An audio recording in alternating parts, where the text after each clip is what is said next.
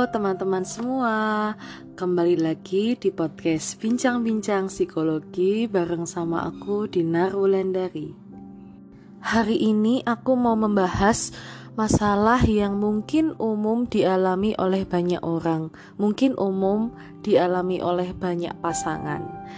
Kalian pernah nggak sih ngerasa ngerasanya tuh udah ngasih banyak ke pasangan, udah berkorban banyak ke pasangan atau mungkin kegebetan deh kalau belum jadi pasangan.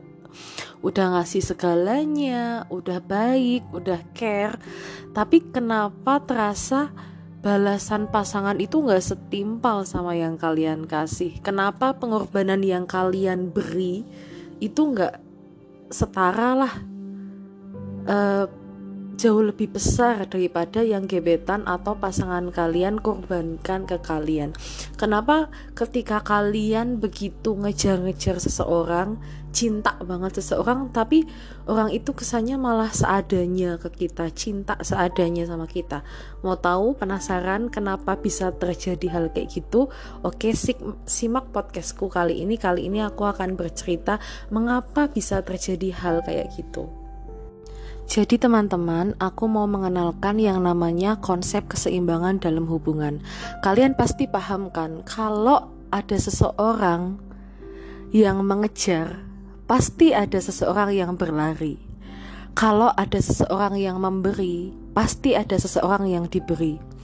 Nah, sama halnya dengan hubungan. Justru ketika kita terlalu banyak memberi ke seseorang, memberi ke pasangan, memberi ke gebetan, maka kita akan mendapatkan yang tidak setara dengan apa yang kita beri. Kenapa? Karena dalam konsep keseimbangan itu, uh, otak kita itu cenderung mencari hal-hal yang balance yang seimbang di luar diri kita. Misalnya nih, misalnya dalam berpasangan aku misalnya aku tuh pendiam nih aku akan cenderung tertarik secara alam bawah sadar tertarik sama orang yang cerewet Kenapa? Karena dalam tanda kutip orang yang cerewet itu bisa melengkapi aku. Ketika aku diem aja nggak tahu mau ngomong apa, maka pasanganku tuh bisa ceria, bisa nyari bahan obrolan gitu.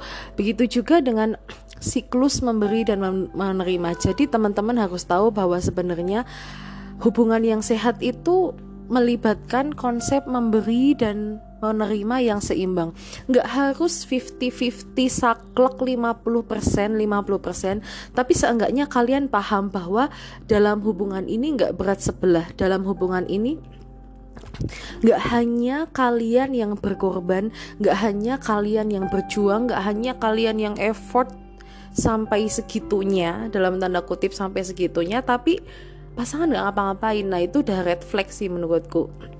Oke mungkin nggak bisa ditimbang 50-50 dan banyak yang bilang kalau hubungan itu bukan hal yang transaksional. Memang bukan hal yang transaksional, tapi kita juga harus paham bahwa dalam berhubungan berpasangan itu itu adalah teamwork. Kalian bisa bayangin nggak di sekolah aja kalau ada kerja kelompok, kalau kalian yang doang yang kerja, teman kelompok kalian gak ngapa-ngapain kan gedek juga ya. Paling nggak walaupun nggak harus 50% 50% sumbangannya kontribusinya, paling nggak dia juga berjuang deh kerja deh nggak kalian semua. Nah kayak gitu hubungan yang sehat. Kalian juga harus lihat selama ini setelah kalian memberi itu pasangan kalian gimana ke kalian sikapnya? Tindakannya gimana? Nah bisa jadi ada pola yang terbentuk dalam hubungan justru karena kalian itu terlalu banyak memberi terlalu banyak berkorban. Jadi kan hubungan itu kan sebuah pola ya pola keseimbangan. Ketika kita justru terlalu banyak memberi terlalu banyak berkorban sampai tidak menghiraukan kesehatan mental kita sendiri mungkin sampai terlalu jauh mengorbankan diri sendiri mungkin maka kita tuh justru hanya akan dapat tanda kutip remah-remah dari pasangan gitu. Nah kenapa bisa terjadi hal kayak gitu? Jadi pola kayak gitu itu terjadi dan otak kita memang cenderung mencari yang tanda kutip melengkapi kita untuk mengembalikan kita ke titik keseimbangan. Misalnya gini, kalian bisa bayangin nggak kalau misalnya kalian ini tipe yang berkorban banget, berkorbannya tuh sampai yang kayak ngelupain diri sendiri, sampai ninggalin diri sendiri, ngorbanin diri sendiri, terus ketemu sama orang yang sama kayak kalian. Jadi kalau kayak gitu kalau saling berkorban sampai ninggalin diri sendiri kalau misalnya hubungannya kayak gitu itu justru nggak sehat dong. Kalian sama-sama saling ketergantungan sama pasangan kalian nggak bisa punya fondasi yang kuat dengan diri sendiri kalian nggak bisa berdiri sendiri karena terlalu ngorbanin diri ke pasangan dan pasangan juga gitu ke kalian dan itu nggak akan ada habisnya. Sama halnya terlalu sedikit memberi itu juga nggak baik dalam hubungan selalu pengen menerima, jarang memberi. Nah, ketika menjalin hubungannya sama orang yang sifatnya kayak gitu juga jarang memberi, maka siapa yang memberi dalam hubungan gitu. Makanya secara alami ini otak ini otak kita ini mencari hal-hal di luar diri kita itu yang melengkapi mengisi diri kita. Ketika kita terlalu banyak memberi, justru kita dipertemukannya sama orang yang sedikit memberi ke kita. Ketika kita jarang memberi ke orang lain, sedikit memberi ke orang lain, ke pasangan, kita malah ketemunya orang yang suka obsesif sama kita, suka ngejar-ngejar kita mungkin, dan suka banyak berkorban mungkin, dan justru uh, misalnya orang yang banyak berkorban ini entah kenapa memang punya kecenderungan tertariknya itu sama unavailable partner gitu loh.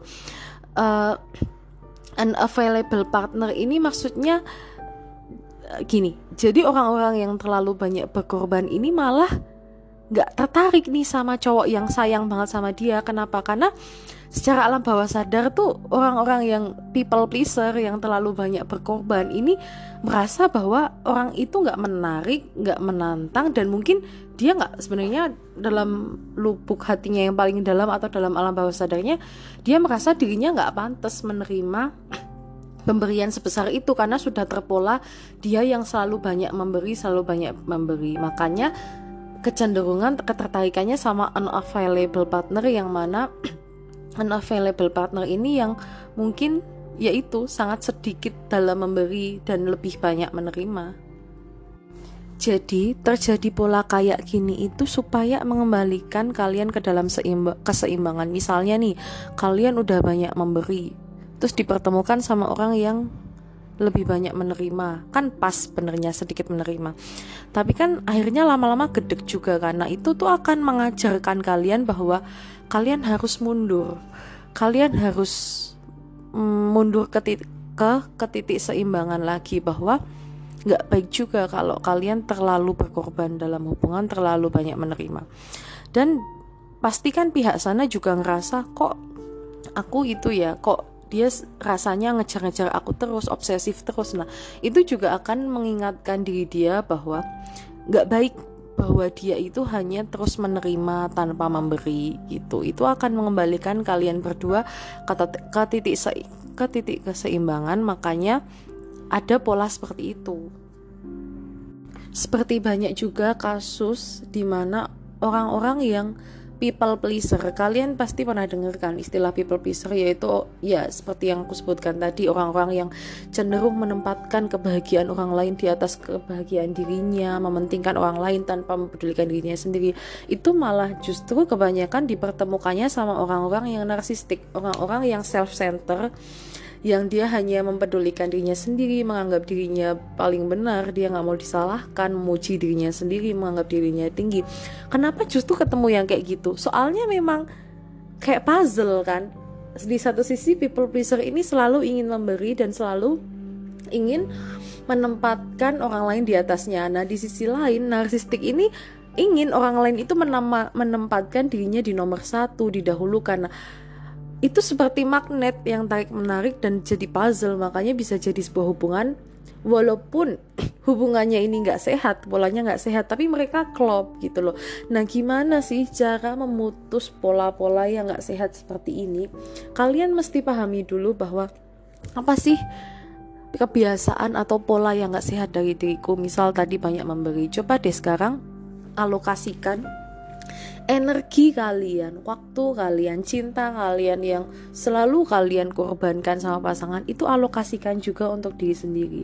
Seimbangkan antara memberi ke pasangan dengan memberi dan mencintai diri sendiri. Coba seimbangkan diri kalian dulu nanti pasangan kalian either mengikuti pola kalian. Kalian kan mundur nih pasangan kalian akan maju atau kalau dia nggak nyaman dengan pola itu mungkin dia akan meninggalkan hubungan itu. Jadi bisa dua kemungkinannya. Ketika kalian berubah, polanya kan dinamika hubungan ini berubah. Pasangan akan mengikuti gitu.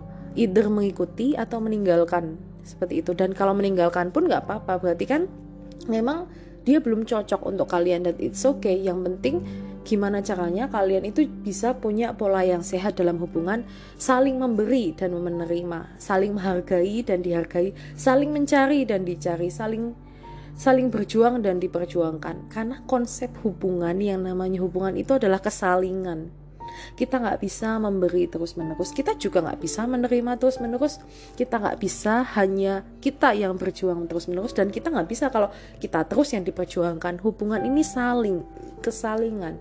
Kita harus tahu kita harus punya mutual mutual love mutual respect mutual understanding itu Moga-moga tema podcast kali ini cukup mudah dipahami ya teman-teman. Aku berusaha menyampaikannya segamblang mungkin, sejelas mungkin. Kalau misal ada yang belum dipahami dan pengen didiskusikan, bisa DM aku di Instagram @dinaulandari atau mungkin kalau pengen mendiskusikan dengan psikolog mungkin kalian punya psikolog atau mau konseling ke psikolog boleh diskusikan hal ini. Aku sangat open untuk menerima masukan komentar kalian. Oke, gitu aja dulu. Nanti kapan-kapan aku bahas lagi hal-hal lain. Kalian boleh request tema apa di Instagram aku. Oke, gitu dulu.